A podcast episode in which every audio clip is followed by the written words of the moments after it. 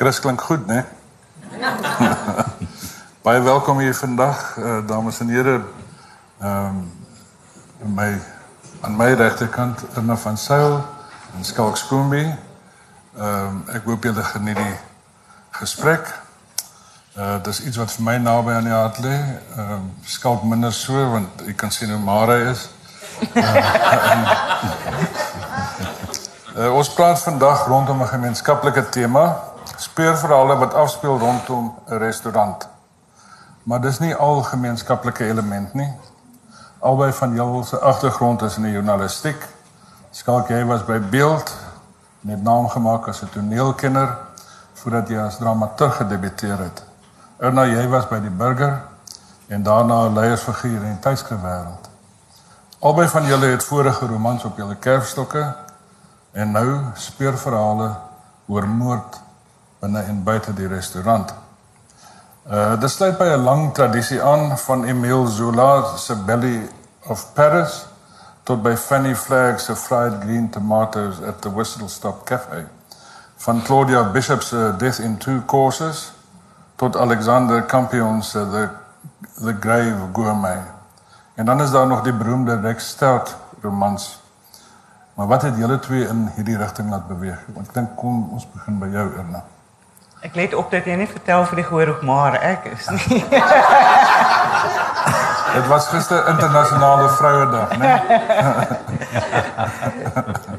ja, so so om te begin by by die misdaadroman voordat ons by die kos uitkom, is waar die die journalistiek en die ehm um, en misdaadromans is nie so ver verwyder van mekaar nie. In Suid-Afrika het ons voorbeelde waar baie voorbeelde waar joernaliste weet begin te misdaadromans skryf het mense soos Dion Meyer homself, Rudy van Rensburg om nou enkeles te noem.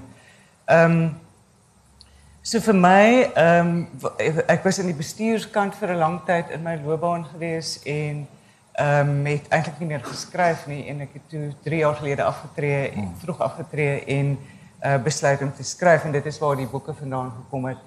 En hoe ek by die kostema uitgekom het spesifiek het te doen met uh in die bedryf wat ek was, um, het ons 'n kostydskrif uitgegee. Ons gee tot kostydskrif uit ehm met die naam van for Wolves en uh, in 'n restaurantgids met die naam van Eat Out.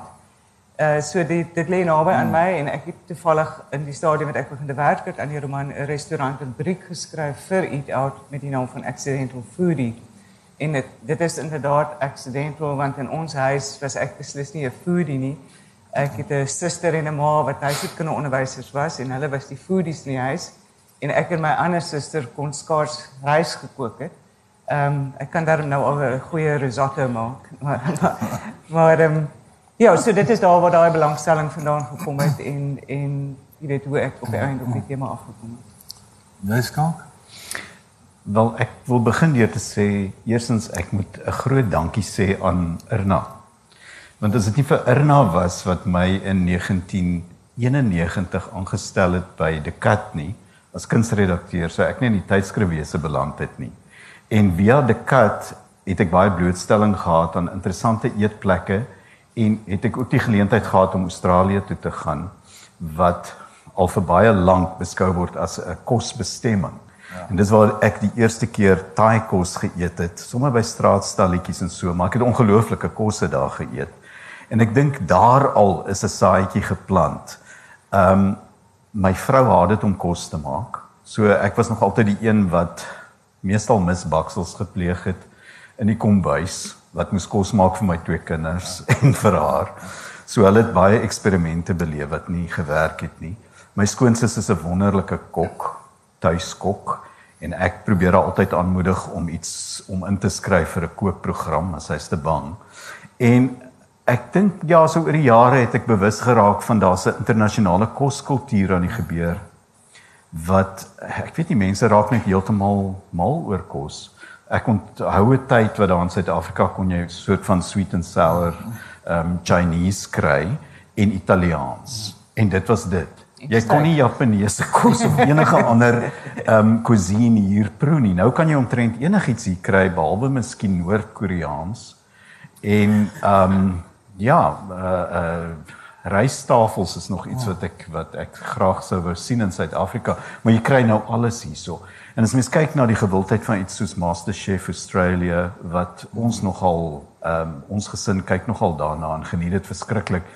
Dit het my regtig gehelp om my kop op die regte plek te kry want ek wou so iets probeer. Ek ek weet eintlik baie min van die restaurant wese of ek het baie min geweet daarvan.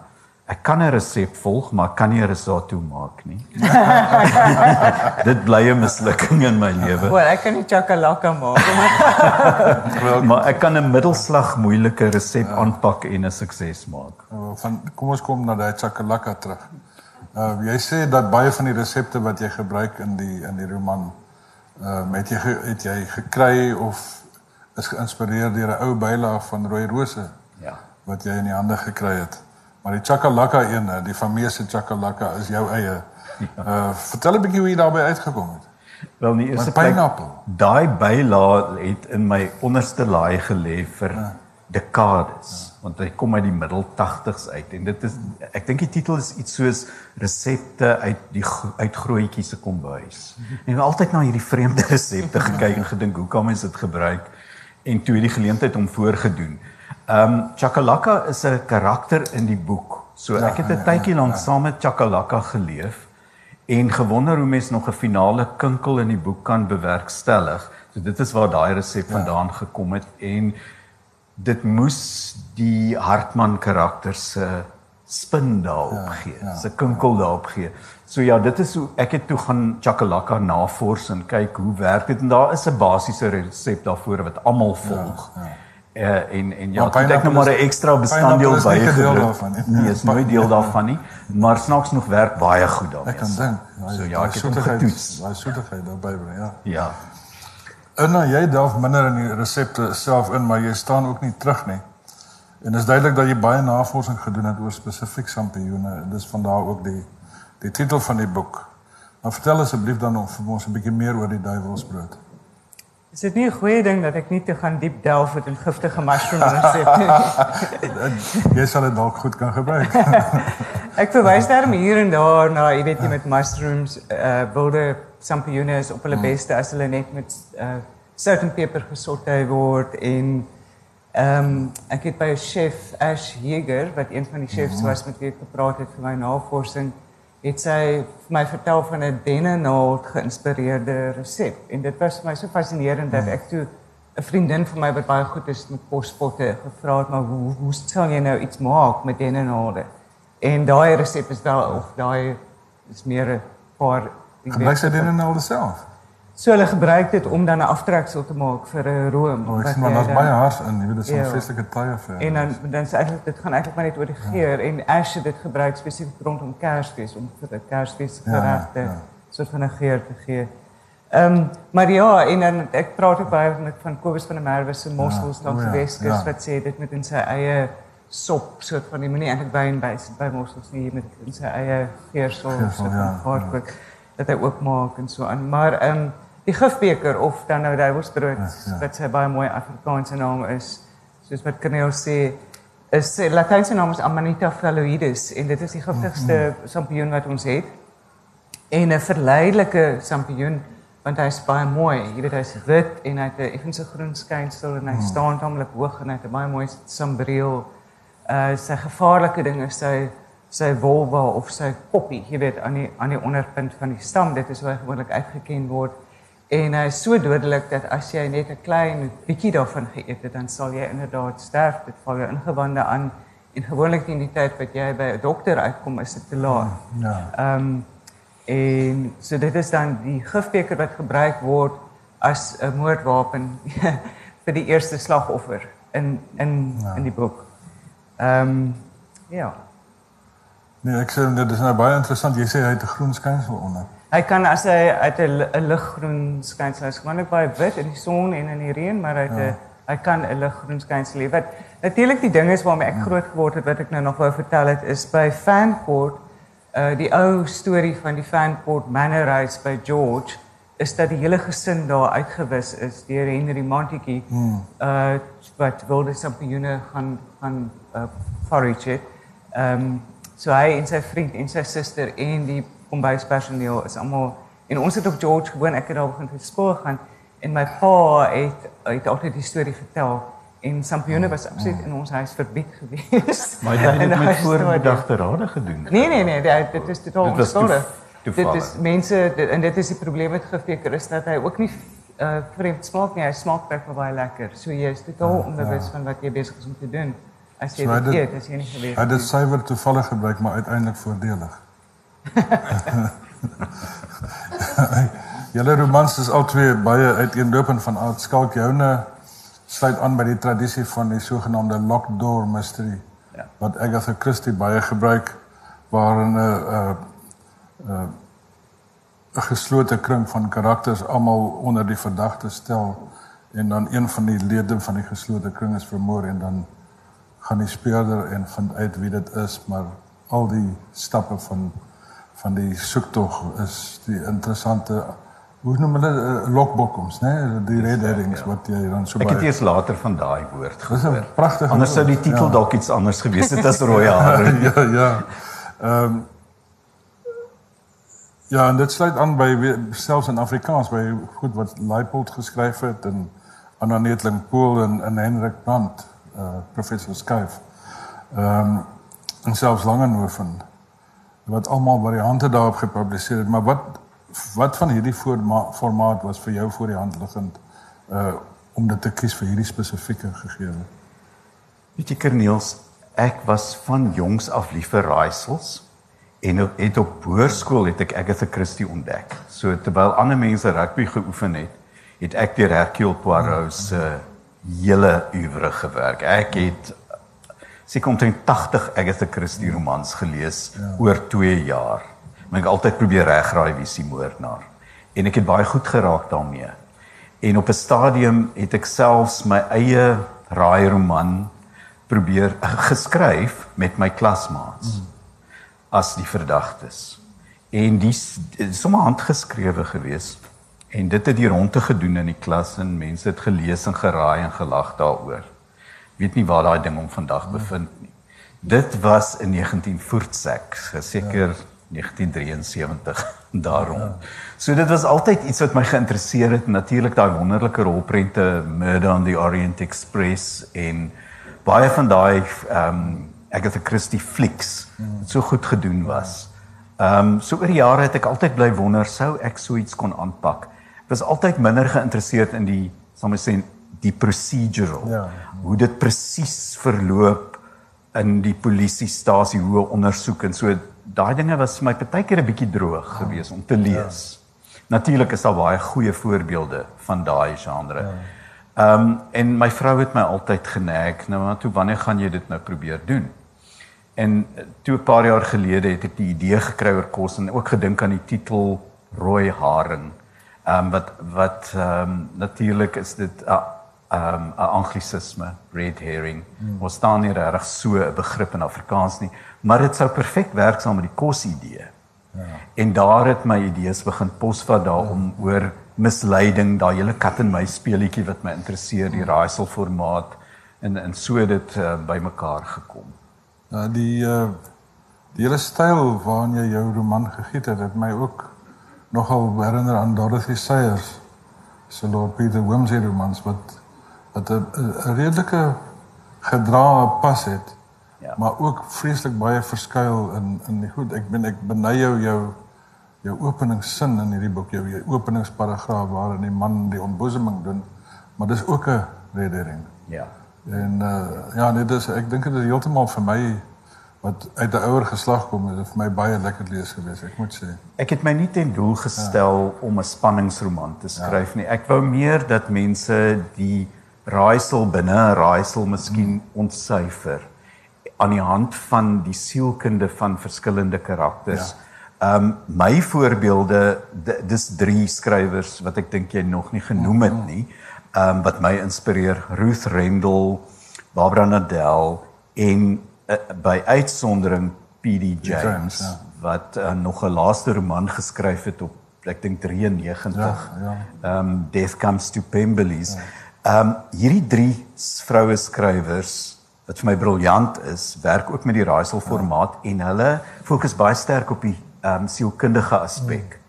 Ehm um, so al die uh leidrade wat gelê word het te doen met 'n sielkundige profiel ja. van die moordenaar. Ja. En dit het my meer geïnteresseer as om 'n naalbyt storie te skryf van wie gaan vir wie ja, volgende ja. vermoor. Daar is Wel, dit is eintlik die plesier van iets soos Death Comes to Pemberley wat wat sy die ou Jane Austen gegeewe gebruik.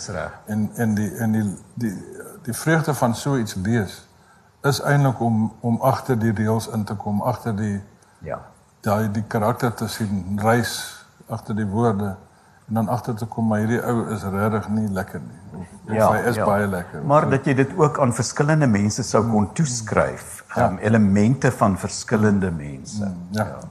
Karakters. Erna, jy maak weer gebruik van 'n baie meer konvensionele struktuur met 'n proses van eliminasie terwyl die speurder bewus word dat die uurglas besig is om uit te loop.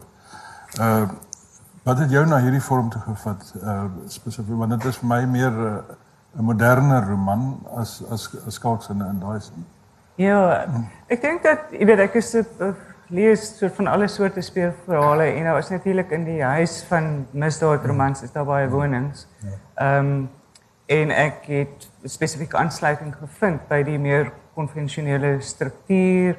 Ek hou van mense soos Val McDermott en Michael Robotham en van die Skandinawiese skrywers soos Joe Nesbo. En dan natuurlik soos wat ek gesê het in Suid-Afrika Dion Meyer ehm um, en so voort en Martin Stein spesifiek wat wat meer konvensionele ek bedoel as in hulle genres is daar ook ag in hulle oeuvres is daar ook verskillende forme van van speurmans. Vir my was die groot uitdaging geweest met die skryf van Gifbeker om spesifiek 'n uh, baie spannende roman te skryf. Ja, Jy weet ja. so ek het baie van oplees ook oor wat skep spanning, hoe skep ja. jy spanning? Kan jy 'n ticking clock soort ja, van as een ja. van die elemente inbring, jy weet dat jou speurder teen tyd ja. werk. Ja, Daai klas die aftelstruktuur beginnende by die die aftel dan eendag minder nog 'n dag minder nog 'n dag ja. minder. Ja, ek het 'n bietjie ja. verander sedert jy dit gelees het. Nee, ek het ek het, nee, ek het ek het gesien jy het maar maar dit is ja. uh, die ding is dat jy het daai daai intervalle en jy is bewus daarvan dat die uurglas leegloop. Weet nou is 'n spesifieke tydsbeperking ja. en dit loop op na 'n spesifieke gebeurtenis ja. teen die einde van die roman wat belangrik is en wat dan ja. soort van hopelik die leser deur die ja, roman trek, trek ja, dat dit 'n ja. onneersitbare ehm um, jy weet hopelik. Ja. Ehm um, ons ons leeswerk is ehm um, nou ons sal net nou daarby nog kom maar die lekker ding daarvan ook is dat jy in die in die in die greep van hierdie aftellery na die na die datum wat almal nou weet hier moet nog weer iets gebeur. Ehm um, is daar ook die ding van die speurder wat nie alleen veg teen die raaisel nie, maar ook veg teen haar eie demone en die demone binne die departement. Dis reg. Ja. So so die roman begin waar daar 'n 'n kos kosblogger en skalk ook 'n kosblogger. Ehm um, maar wat daar 'n baie berugte kosblogger dood neerslaan hmm, ja. en dit is dan nou uh, blyk dan dit is van die sampioene wat sy geëet het in haar reg in hierdie bekende restaurant van 'n swart chef met die naam van uh, Zeb Chwalo en dan is hy die chef is natuurlik jou eerste verdagte ehm um, van sy personeel is is verdagtes die eienaar van die restaurant is 'n verdagte die ander chefs op die dorp is is verdagtes en dan 'n uh, entrepreneur wat belangstelde in om kos webwerf te koop wat belangrik is vir restaurant webwerf uh sy word 'n verdagte en dan het die uh, chef het ook 'n halfbroer wat uh, wat hy nie meer 'n verhouding mee het nie en en die word natuurlik ook 'n verdagte. Ja. So so so ek speel daar, jy weet met die met die tipe van elkeen op kom hmm. kry sy beurt en en jy ehm um, jy weet jy as leser word dan hopelik dink jy o, dis nou hierdie ene en dan gebeur daar iets en ja, sê jy o, dis nie die ene nie of jy dink o, dis daai ene en dan is dit nie daai ene nie. So dit is meer die konvensionele ja. soos jy sê die meer onlangse ja ek dink ek sou nog graag daai lockdoor ding wil doen in 'n stadium. Hmm. Maar wat vir my verskriklik belangrik is in die twee romans wat ek tot dusver hmm. geskryf het, is die omgewing waarin hulle afspeel. So ek kon hulle nie agter 'n geslote soort van deure hou nie. Ek wou baie graag, jy weet, uh ook die beskrywings die roman speel af in Hermanus en in die Oeverberg hoofsaaklik op die Cape Kaapstad. En dit was my baie belangrik om daai omgewing in te bring. Op 'n manier is dit dan natuurlik ook 'n lockdoor want dit is 'n baie insulêre gemeenskap. Alles is baie op mekaar aangewees en Ja. nou va- saamgetrek. En uh, een van die plesiere vir my van die lees daarvan was om om soos die roman Vorder te probeer plaas nou presies waar is dit daar en nou wat het wat het geword van Hermanus Pietersfontein? Is hy nie dalk daar nie? Jy weet daai daai soort van ding. Ja, dit is ek het nogal van, ek weet nie ons kan nou daaroor praat later, maar ek het nogal van gehad deur 'n uh, 'n plek te kies en dan dit te verander. Jy Ja, weet dat jy ja. dat dit half nie Nie herkenbaar is is nie, nie, ja, maar ja, ja. maar die beskrywing lei na 'n spesifieke plek toe en so aan. Nou, een van die interessantste aspekte van albei romans uh is vir my ges, uh, gesetel in die in die speurder self. Skalk by jou is daar 'n speurder wat die ondersoek lei, naamlik majoor V- uh, Villiers Stuurman. Uh, Nes Poirot en Sherlock Holmes het hy 'n handlanger, kaptein Ollie van Sail. Maar die speurwerk word eintlik gedoen deur 'n joernalis, Greta Burger, na sodat jy eintlik 'n variasie het op die op die op die gewone uh, tema van speler en handlanger. Ehm um, wat was vir jou die wins van hierdie drietal spelers met 'n vrou aan die spits? Ek dink daai formaat is natuurlik glad nie net nie. Ehm um, ook Agatha Christie, ja, ja. Miss Marple. Ja, ja, ja. Die leunstoel speurder wat alles van die kant af bekyk, wat mense goed ken, wat eintlik op 'n manier aanvoelings het oor mense en wat met 'n soort van 'n klein dorp se ehm um, wysheid die tipes kan uitken aan die hand van ander mense wat hulle uit hulle verlede geleer ken het. Ehm um, nou vir my hoofkarakter Greta Burger sy het 'n weersin in Miss Marple omdat sy 'n ou jong nooi is hmm. en Greta Burger is goed op pad om self een te raak. Ja. So dit is belangrik om so 'n bietjie romanse daarbey te bekook Proef. dat sy daarom nie heeltemal 'n 'n droë haring word nie. Ehm um, so ja, sy het so 'n bietjie van 'n lekker fling daarso met ja. een van die verdagtes. Ehm um, Maar ja, ek ek wou dit 'n vrou maak, 'n slim vrou. Vir my um, is dit opvallend hoeveel vroue um, uitstekende speurromans skryf en die um, die perfekte moord ja. kan uitdink. Ja. En en so dit was die bietjie hulde wat ek wou bring aan vroue op daai gebied. Ja. Ek wou ook kyk of ek my miskien in 'n vrou se kop spasie kon indink. Ek weet nie hoe suksesvol dit ja, was nie. Ja. Ehm um, maar ek ken ek het 'n paar vriendinne wat nogal 'n bietjie is soos Greta Burger, spesifiek een wat nogal lank is want Greta Burger is baie lank. Ja, ja. En die feit dat sy op 'n manier haarself kan ek, ek weet nie wat die Afrika, regte Afrikaanse woord is nie, maar insinuate ehm um, by mans op 'n manier ehm um, nie intimideer nie. Sy's 'n sagte vrou, ja. sy's 'n beleese vrou, maar sy is baie slim en sy kan haar navorsing doen en sy's eintlik rateltaai op 'n manier. So ehm um, op 'n manier kry sy dit reg om die vertroue van hierdie polismanne te wen en en 'n deel te word van die ondersoek. Ehm um, en wat haar stuur is haar aanvoeling, haar, haar skerp aanvoeling vir reg en verkeerd en waar daar iets nie reg is, ja. iets vrot is, iets vrotryk.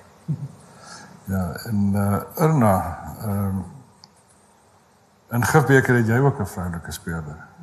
Storm van 'n Merwe en sy dan weer hulp van 'n man Andreas Moerdijk wat 'n effense loskanon is uh, as 'n mens dit so kan noem. Uh geen skinnige implikasies daarbey nie. Storm het persoonlike probleme wat vererger word deur die gemors waarin Moerdijk hom by die polisie bevind weens die aanranding van 'n getuie. Maar as 'n speurpaar is hulle formidabel eintlik in kombinasie sonder dat hulle regtig saamwerk. Hulle werk eintlik teen mekaar.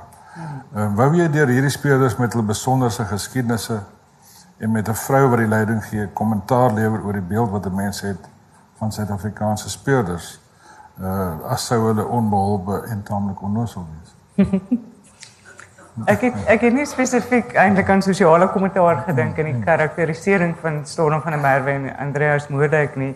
Ehm um, Moerdijk is onbeholpe is in die moeilikheid, jy weet wat in die vorige boek gebeur het. Ehm um, en hy word uitgeskop by die polisie uit en hy word dan by uh, Storm gaan kuier op Hermanus. Hy is hopeloos, hopeloos verlief op haar en sy wil niks met hom te doen hê nie. Sy vind hom 'n geweldige irritasie maar het goeie herinnerings hierdeur aan toe hulle saam gewerk het in die Kaap. Ehm um, hy is vir my so half 'n bietjie van 'n humoristiese afleiding, so ek het ek het dit baie geniet om om, om sy karakter te skryf en snaakse goeters en om hom goed uit te dink vir hom wat hy wat hom oorkom of wat hy doen. En hy raak dan baie baie opsigte nog eintlik 'n kind emosioneel, né? Ja. Ja. Hy raak hy raak ja, hy is nog nog en hy raak dan ook vreeslik meegevoer met die hele foraging ding want hy jy weet hy het perlemoen uitgehaal in sy jeug ja, ja. en hy het sommer daar op die rotse vis gebraai en so aan. So hy hy begin dan te dink, o, dit is nou dit is nou 'n nuwe manier vir 'n inkomste ja. skep. So dit jy weet bring hom storm eet net slap chips so sy beland in die restaurant uh saam met haar vriendin Kat Vermaak wat die redakteur is van hierdie restaurant webtuiste. Ja, ja. En sy ehm um, wens die altyd sy kan 'n bietjie aardappels kry of so iets ja. om te eet. Jy weet saam met al hierdie grand kos wat sy met eet. Ehm um, maar die belangrike ding is is dat dat Storm worstel soos wat jy gesê het inderdaad met met verskillende goeders. Een van dit is met haar pa wat sy lank nie geweet het wie hy is nie. Ehm um, en dan met haar nuwe baas ehm um, en ek raak dan daar en dit is waar ek hoop die roman daar 'n bietjie meer substansie kry as net 'n gewone moordstorie aan goeders wat nou toevallig nadat ek klaar geskryf het, het die hele Me Too ding gebreek. Maar ek raak daaraan in vroue as seksuele objek mm -hmm. en ehm um, die uh, speeradjudant in die Parel wat ek met wie ek gepraat het as deel van my navorsing het vir my vertel dat daar was 'n 'n senior ou daar wat vreeslik daarvan gehou het om die jong nuwe speerkons of die nuwe konstabels wat daar begin te werk het te vat om vir hulle die lijkhuis te gaan wys. En dan is die arme jong konstabels dan ook nie meer so heeltemal onskuldig teen die tyd dat hulle terugkom van hulle lekse uit en soek nie. So dit is inderdaad die hele kwessie van van Want ons weet een ding lei tot 'n ander. so ehm um, I mean seksuele reg ja, is 'n groot ja, ja, issue, ja. jy weet in die in die in die polisie waar ons is in baie plekke, maar dit was 'n baie manlik oorheerste omgewing. Ek dink dat die demografie het inderdaad verander. Jy weet, so dit is hoekom ek dink 'n mens ook meer uh vroue kry wat vroulike speurders is wat ook helde is in in in boeke. En en by my, jy weet, is die groot uitdaging natuurlik is om vir Storm 'n slim speurder te maak, sy moet slimmer wees as haar manlike kollegas ja. Andreas en haar die partners om te wees werk, Lebogang Modise, wat 'n vreeslike nice ou is. Hy's maar is ontsettend laid back, jy ja. weet, en ek vermoed dat baie manlike spelers is maar luierig, jy weet, en Storm is Storm is ontsettend hardwerkend, jy weet, so sy hou nie op met werk nie. Ja. Al die beeld wat daar wat ek het waarna ek eintlik verwys het is is iemand soos Byl, eh, Byleveld wat ja. wat 'n enorme goeie openbare beeld het. Mm.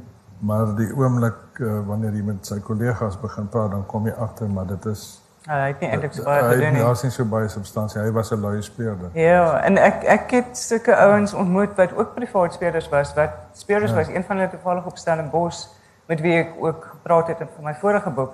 En hulle het my nou nie eintlik beïndruk as hm. dinamiese soort van ja. ouens nie. En ook stories wat mense my vertel het, ander uh, vroue in die polisie ja. wat sê Jy weet die polisie skakel hulle fone af. Jy weet as die familie van naasbestaandes wat dood is, hulle wil kontak of angstig mm, raak. Mm. So hulle voel absoluut vere. Jy weet hulle en Storm is nie daai soort persoon nie. Jy weet sy sy probeer help en probeer. Maar sy het natuurlik ook 'n hond ehm um, met die naam van Purdy wat nou verwys na die Britse die die, ja, ja, ja. die Britse Avengers. ja, die Avengers ja. in Purdy ehm um, spioen ehm um, maar maar in in Purdy uh, speel ook 'n rol in ja. in die opsporing, jy weet van van sekere getuienis. Ja, so so sy dan 'n honde speurder ook saam met haar.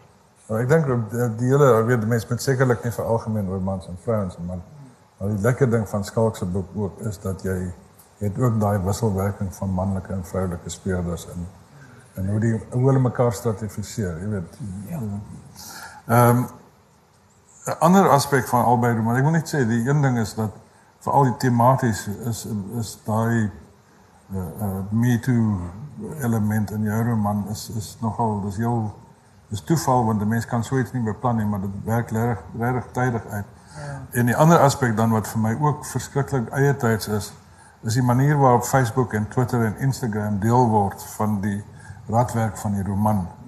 'n Storm van 'n merwe kry 'n gifbeker by komende indigting via fotos wat wat die assistent chef Ravi Ismail op Instagram en, en Twitter en Facebook plaas. Uh die chef Google gou vir inligting byvoorbeeld. En uh, Rooi Haring weer uh Latoya Jones se Twitter chaos uh is 'n is 'n integrerende deel van die verwikkeling. Uh daar word doodle uh, dikwels gegoogel loer. Uh die moordenaar het 'n Facebook profiel en so meer. Jy weet daai hele ding is baie eie tyd en dit is iets wat nog nie van tevore in speurromans gesien is nie. Uh, wat ek van albei van julle wil weet is of die bestaan van hierdie sosiale media 'n spesifieke eise gestel het by die beplanning van die verwikkeling en julle plotting.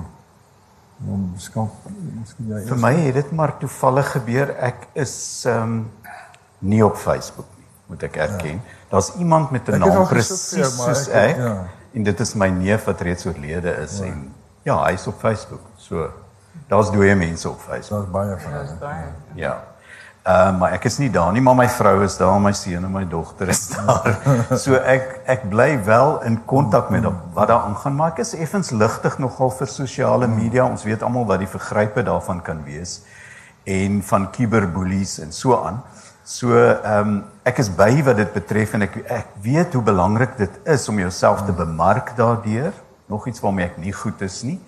Ehm um, so daar's 'n paar karakters dan in die boek en en ook spesifiek Greta Burger wat baie van haar navorsing deur Google doen soos wat ons almal maar doen. Ehm um, en veral ja. joernaliste ook. Ek weet dit is nie ja. ideaal of goed nie.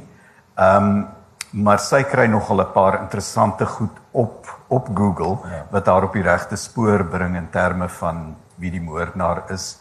Ehm um, en die die rooi haring konsep natuurlik. Ja, ja. So ehm um, ek dink ook in die kosbedryf Kerneels is dit 'n baie belangrike ding sosiale media. Uh omdat mense so baie resepte op die internet kry, omdat mense deesdae hulle kos mos afneem en dit dadelik die wêreld ja. instuur ja. en dit so belangrik vir restaurante geword het. Jy weet as jy daai gereg sien dan wat 'n wonderlike reklame is dit ja, vir 'n restaurant. Ja, amper visuele word of mouth. Ja. ja, en en in my boek is dit die die chef wat vermoor word. Hy het baie vyande. Hy het op baie mense getrap. Hy's 'n um bietjie larger than life karakter en tog is hulle regtig daar. Dink aan Gordon Ramsay. Hy kan programme saam met kinders doen en dan is hy wonderlik charmant, maar as hy tussen die volwassenes beland, dan vloek hy hulle flenters. En so iets daarvan ehm um, was deel van hierdie karakter Hartman Swigers wat dan vermoor word in sy nuwe restaurant Tydloos. En ehm um, definitief speel sosiale uh, media 'n groot rol om om die moordenaar vas te trek. Ja ja. Vir my, vir my was dit wel, dit is gewoon deel van die mm. tydsgees en um, skakel verwys na hoe belangrik die hele koskultuur geword het en daarmee saam chefs wat celebrities ja, geword het ja. spesifiek, jy weet en die chefs ja, ja. hou verskriklik baie daarvan om hulle uh, kosse op Instagram te sit waar jy nou mooi foto's kan kan wys en daai klas van ding. Ehm um, En dan inderdaad, jy weet die mense wat hulle kos afneem in restaurante en natuurlik jou eie geregte. Partykeer sit mense kos op Facebook wat glad nie baie lekker lyk om te eet nie, maar ehm um, vir my was dit hoofsaaklik 'n manier om karakterisering te te doen. Jy weet so ek kon vir Rabbi Ismail die die assistent chef uh in 'n in 'n baie kort bestek van tyd eintlik karakteriseer deur te sê hy is 'n ou wat alles afneem ja. en hy maak dan baie keer as dit sy eie geregte is wat hy afgeneem het. En ook in die restaurant self aanvanklik toe die blogger dood neergeslaan het, was daar daar was 'n paartjie uh, by die tafel naby Storm, Storm was in die hmm. restaurant wat besig was om 'n kos deeltyd af te neem, alles wat beweeg het, het hulle afgeneem. Hmm. En hulle het ook toe die blogger deur staan dadelik nader gestorm om te gaan foto's neem. Jy weet en dan was ook 'n ander ou wat selfies laat neem met van homself en so. En so dit is maar die dinge wat gebeur rondom ons wat ja. wat dit neerslag vind in jou boek jy weet deur jy um, dit gebruik ja. en en soos ek sê vir my was dit 'n manier 'n vinnige manier gevind om om karakterisering te doen.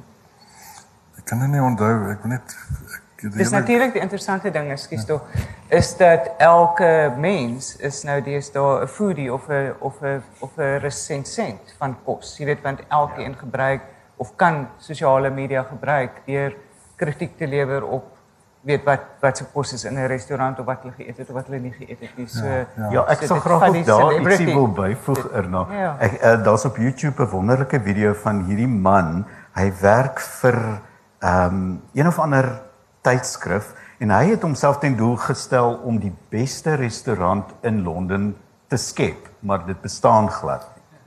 En toe hy ja. toe hy begin praat oor the shed in Birmingham of so iets en hy het al sy vriende gevra uit uit 'n webwerf gestig en hy het sy vriende gekry om resensies daaroor te skryf en hoe fantasties dit is.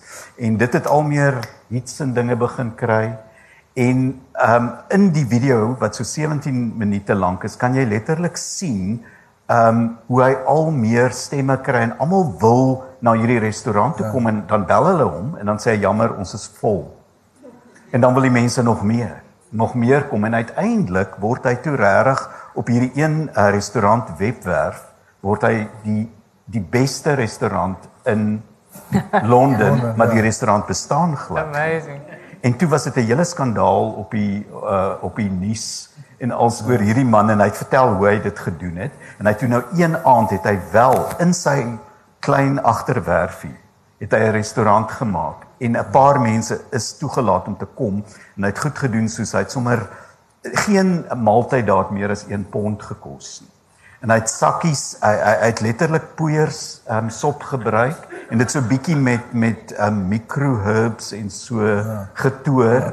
en die mense het absoluut mal gegaan oor hierdie kos. Ja. Maar dit is die goedkoopste, maklikste kos. Sien dit jy lag jou dood as jy na hierdie ding kyk nie, maar dit regtig gebeur. Die beste restaurant in Londen het nie bestaan nie. Sien dit al dit alles wys jy wat bemarking kan doen. dit is dit ja, ja. ja net as net 'n illustrasie van wat jy sê. Ehm um, van hoe sosiale media gebruik kan word maar ook misbruik kan word. Maar dit maar dit is natuurlik net oor die oor die hele um, celebrity status ding is iets wat in in ja. jou in jou boek jy weet uh, ter sprake is of ja. gekritiseer word en ook in Gifbeker gaan dit onder meer ook oor wat is die gevolge van hierdie celebrity status ja. van van chefs en dan jy weet wie is dit wat die wat die Gifbeker wil uitdeel ja. jy weet aan aan die celebrity chef. Ja. Ja, ek het ja, ek ek ek, ek moet sê uh die celebrity chef self is 'n wonderlike karakter, maar hy's ook onkundig op baie maniere oor al hierdie dinge. Hy weet nie regtig wat op Facebook aan die gang is en al daai dinge nee. gebeur. Hy is eintlik die fokus daar. Ja. ja. Skalk ek dink nie dink nie om terug te keer na daai idee. Ek dink daar lê dalk jou volgende roman. ja, ek dink beelde gerus daar iemand kan kry baie kwaad geword. Ja. As jy by die kosthema wil bly, maar dit klink amper asof dit 'n toneel in jou boek kon wees. ja, dit is so ver gesog, jy kan dit nie uitdink nie. Maar dit bring my by die volgende en kan ek net by julle hoor. Normaalweg by die skryf van 'n speurverhaal doen 'n mens nogal navorsing oor die praktyke en die dinge wat betrokke is in terme van speurverhaal. Maar in julle twee se geval het hier nou nog die praktyke en protokolle gekom van die restaurantwese en die kulinaire modes en dinge. Maar wat het julle wat het julle albei gedoen om daar in te kom? Jy het al 'n paar keer daarna verwys en jy ook, maar het net in kort, hoe het julle julle kennis oor die restaurante vir die boek gekry? Niels, ek dink vir my kom dit maar oor 'n baie lang tyd in terme van restaurante wat ek besoek het as hmm, joernalis. Um in verskillende plekke in in Australië, in Londen, in Amerika. Hmm en uh, baie keer ook onderhoude wat ek gedoen het met kosmense oor die jare. So ek ek dink dit het maar soort van ingesink. Ek het baie artikels gelees oor kos uh omdat die internasionale koskultuur my so interesseer. Een van my karakters is 'n kosspeurder wat gebaseer is op 'n 'n um, persoon wat regtig bestaan. Iemand wat reis na kosmarkte wêreldwyd, maar hmm. plekke in die Amazone woude en op eilande en plekke hmm. waar gewone toeriste nie kom nie. En proe aan baie vreemde bestanddele en hmm. goed goed wat baie keer gevaarlik kan wees, maar ook smake wat die westerling nog nie geproe het. Gordyn, daai soort van ding. Dis reg. Ja, ja. En so ek het dit ek het een van my karakters gebaseer op hierdie reisiger, hierdie kosspeurder wat so gaan soek het na um eksotiese en ongelooflike smake en so. Ehm um, ja, met met verskoning dat dat sy persoonlikheid is een wat ek geskep het. Ja. Dit is nie volgens die regte ja. persoon nie. Ehm um, ek is omring deur 'n paar mense. My my skoonsis is 'n fantastiese tuiskok. Uh en ja, ek het 'n paar vriende wat ook regtig goed is ja. met kos maak en ek het 'n groot bewondering vir hulle want ek dink dit is 'n ware talent. Ek dink nie almal het dit nie. Maar ek moet ook erkenning gee aan die boere tannies en in my familie ehm um, die vroue wat regtig 'n hond uit 'n bos uit kan kook. Ja, ja. So wat my baie geïnteresseer het is die boere kos ding, uh boerekos as 'n soort trooskos. Mm. En my ehm um, karakter Hartman Swiger wat wat dit 'n bietjie opdateer opdateer het, meer modern probeer maak het, maar nog steeds hou by die essensie van trooskos, van boerekos. So al daai dinge het ingespeel daarop. Dit is een van die lekker dele van die roman is om eintlik daai spore te vind. Ja, ja, want ja. want ehm um, uiteindelik reis Greta Burger na 'n plaas toe waar sy afkom op 'n ou ehm um, resepteboek en en lees van hierdie ou boerekos resepte. So ek het bietjie probeer om daai goue draad te volg van boerekos. Ja, dit is ook die draaipunt van die roman, nee. Dit is korrek. Ja, ja. ja, in in my geval ehm um, het ek probeer om soveel as ja. wat ek kon in in 'n kombuis ook te kom ja. van 'n chef. Ek was toevallig op vakansie in Vietnam gewees en het 'n uh, een van daai chefstafels wat in die kombuis is um, ja. bygewoon en die chef, die hoofchef het, het dit vir ons persoonlik bedien. Dit ja. was wonderlik. En ehm um, het ons weer daar kombuis gevat en verduidelik waar alles is en ek het daar 'n muur gesien met fotootjies op van al die gaste wat nou dit is nou in 'n soort resort gewees. Hierdie een is 'n VIP en hmm. daai ene is 'n long stay visitor en daai ene is moeilik, jy weet. Ja. ja. So dit is die eerste keer wat ek besef het hoe hoe chefs dit daar ja, identifiseer ja. en daar was ook um, in Suid-Afrika voorbeelde waar die Eat Out Awards uh, se beoordelaars soort van daar hulle fotootjies was opgewees in die mm, restaurant mm. sodat hulle geweet het wie kom as hulle nie iemand geken het nie en wat dit is maar goeie mense nou agterna ja. gehoor het. Maar die belangrike deel vir my was toe ek die boek begin te skryf het, het ek geweet dat ek graag uh, 'n uh, 'n toneel in die boek wil hê ja. waar daar sampioene gesoek word ja. of versamel word in die in die veld. So ek het een van die eerste goed wat ek gedoen het was om te gaan mushrooms forage en in die Kaap en ehm um, waar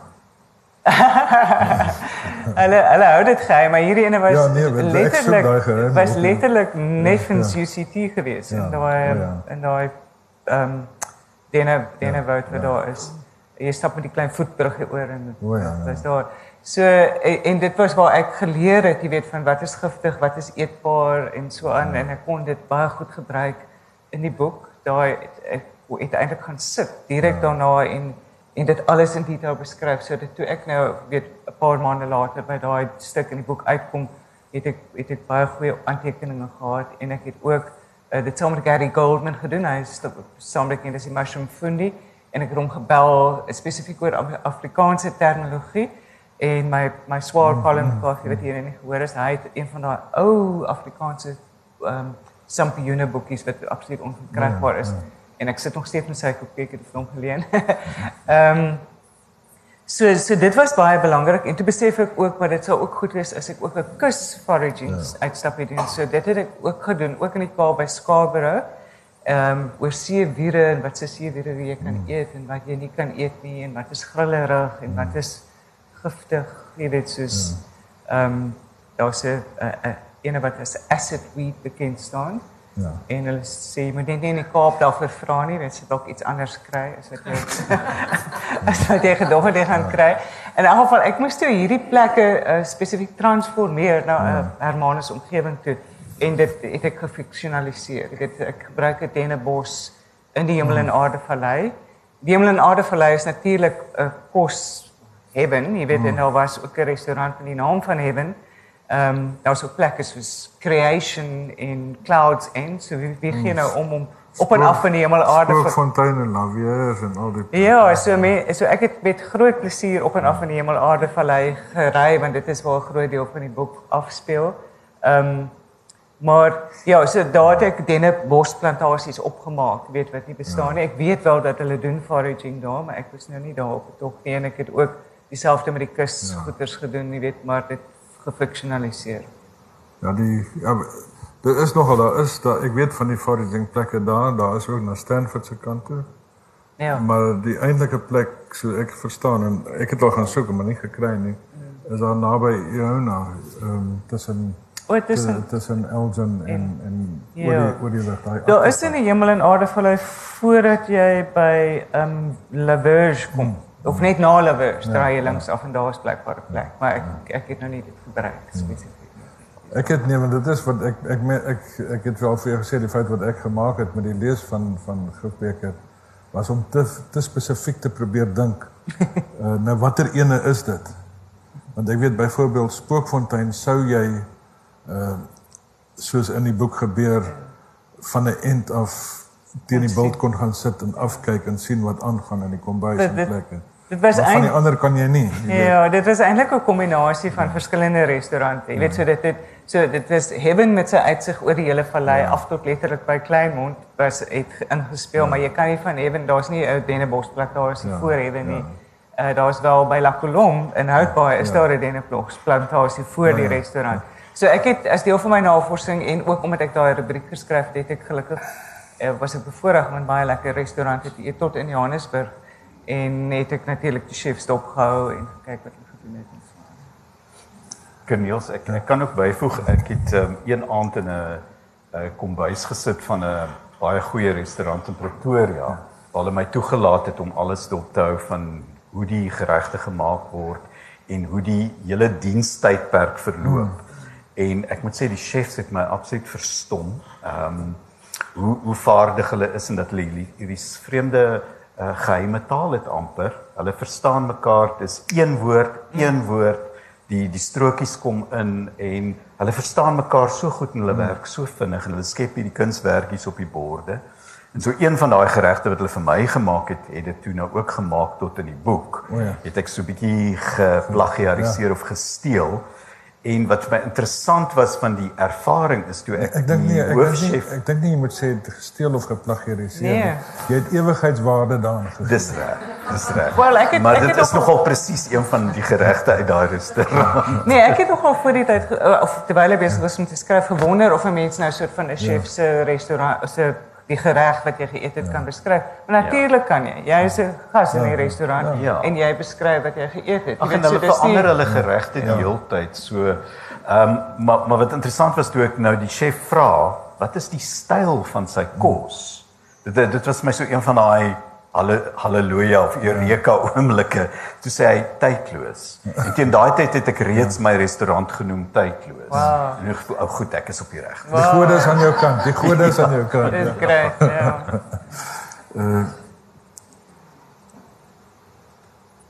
Ja, dit is mens nou hier kom ek uh die laaste deel van jou boek skalk wat handel oor die herlansering van die restaurant tydloos was vir my 'n suiwer plesier. Uh dit is amper filmiese gehalte met die satiriese onderlaag van die roman wat uitblom in nie alleen skitterende skryfwerk nie, maar ook in dinge wat werklik aktueel en ter sake is vir Suid-Afrika van die oomblik.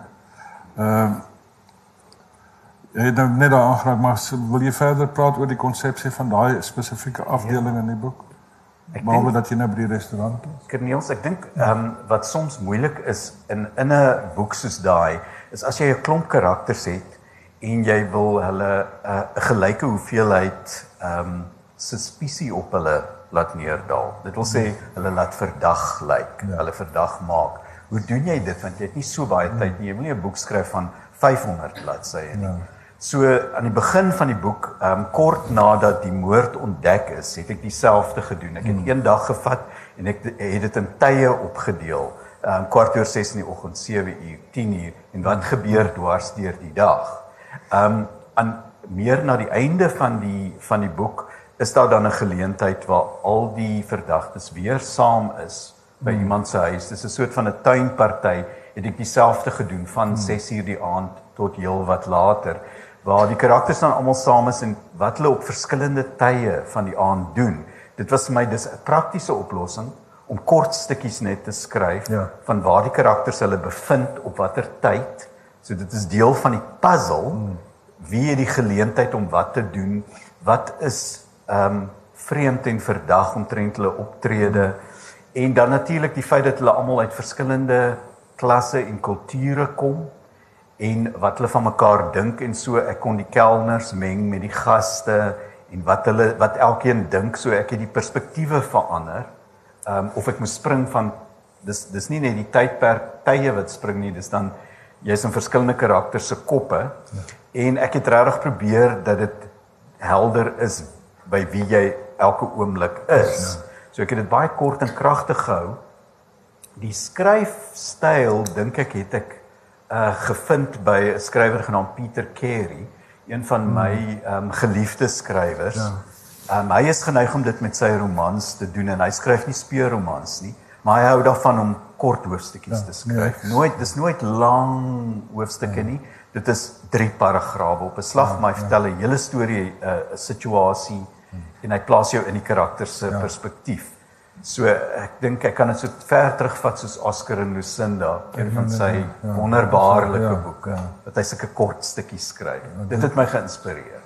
Ja, ek ek onthou toe ek Oscar en Lucinda gelees het, die Ehm uh, die eerste ding waarna ek gedink het, hel as 'n mens dit so kan doen dan moet skryf eintlik maklik te wees. Dit was eers maak dit vir jou baie maklik. Dit maak dit maklik, maar dit, om eers daarin te kom en te besef wat se harde werk dit vat om dit so te kan doen, is ook 'n ander storie. Dis geweldige beplanning. Dit verhoed verveling, ja, want ja. baie keer is mense aan 'n hoofstuk werk en jy voel hoe lank moet hierdie hoofstuk nou wees en hoeveel goed wil jy daarmee tuis bring en en so dan dan raak dit 'n gestoei. Dit mm. raak harde werk. Ek weet nie nou of jy dit mm. want my boek het dit ook. Ek het langer hoofstukke waar jy deur baie ja. dinge moet werk en so terwyl as jy korter goedjies kan skryf dan dis miskien 'n joernalis se ja, kop. Ja, ja. ja. waar jy kort nie stories ja, moet skryf ja, en nie lank. In Afrikaans dink ek gebruik Dion dit baie in sy boeke ja. dat hy letterlik uh, hoofstukke opdeel in flitsse. Ek weet nie ja. flitsse nie, maar vinnig ja. van van tyd en plek verwissel. Ja.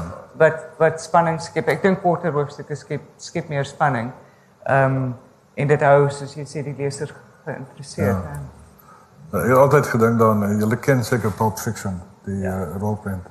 As die een toneel waar Travolta en die een aktrise, ek kan nie onthou wat haar naam is nie, by die twist kompetisie.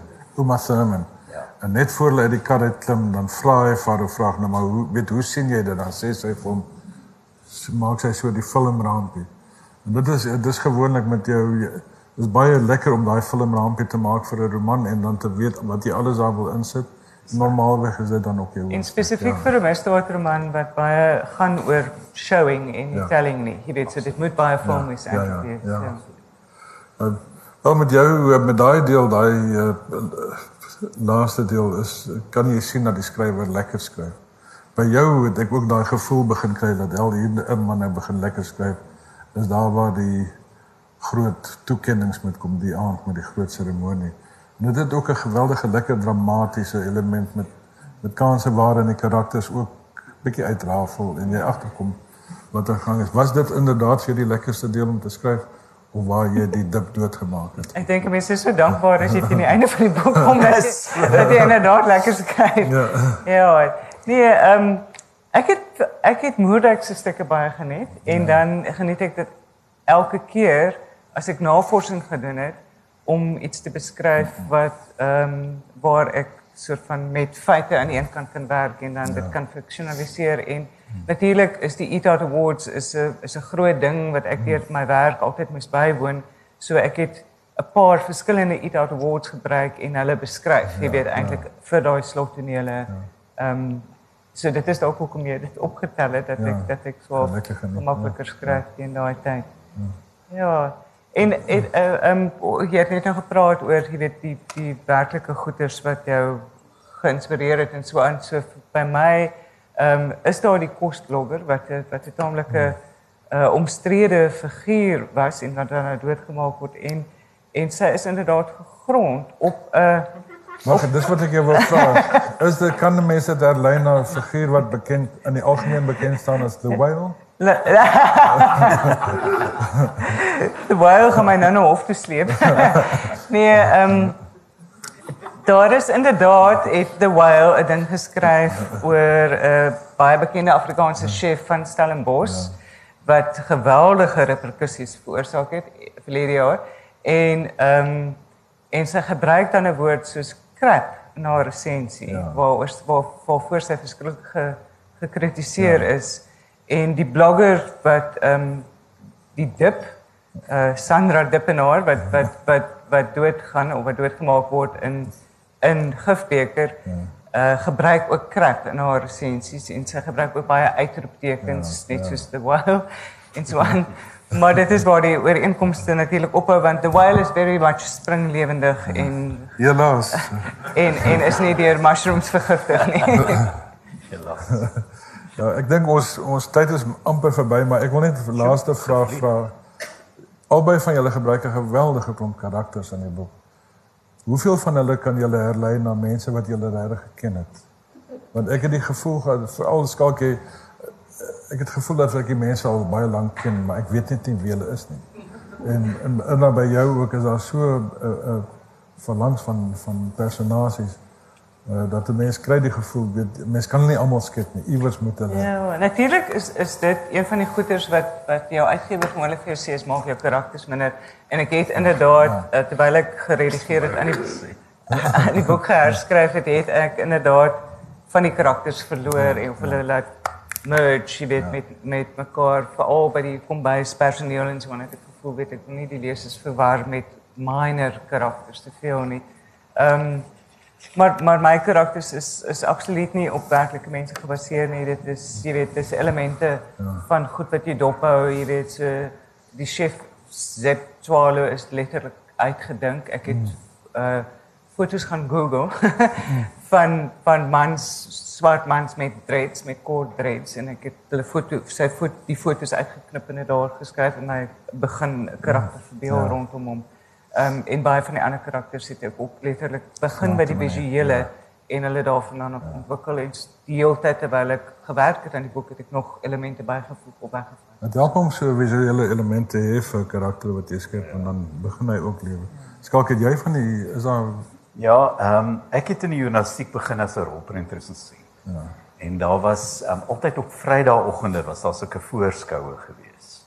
En dan het ek al hierdie soos ek aan hulle gedink het kritikature hmm. bymekaar gesien en ek Niels ek moet vir jou sê die mense ek weet is so hulle is visueel interessant ja.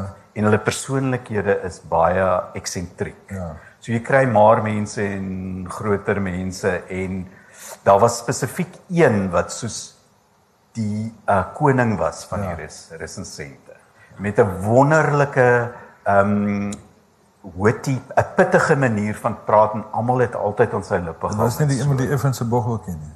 Is dit baie wrong?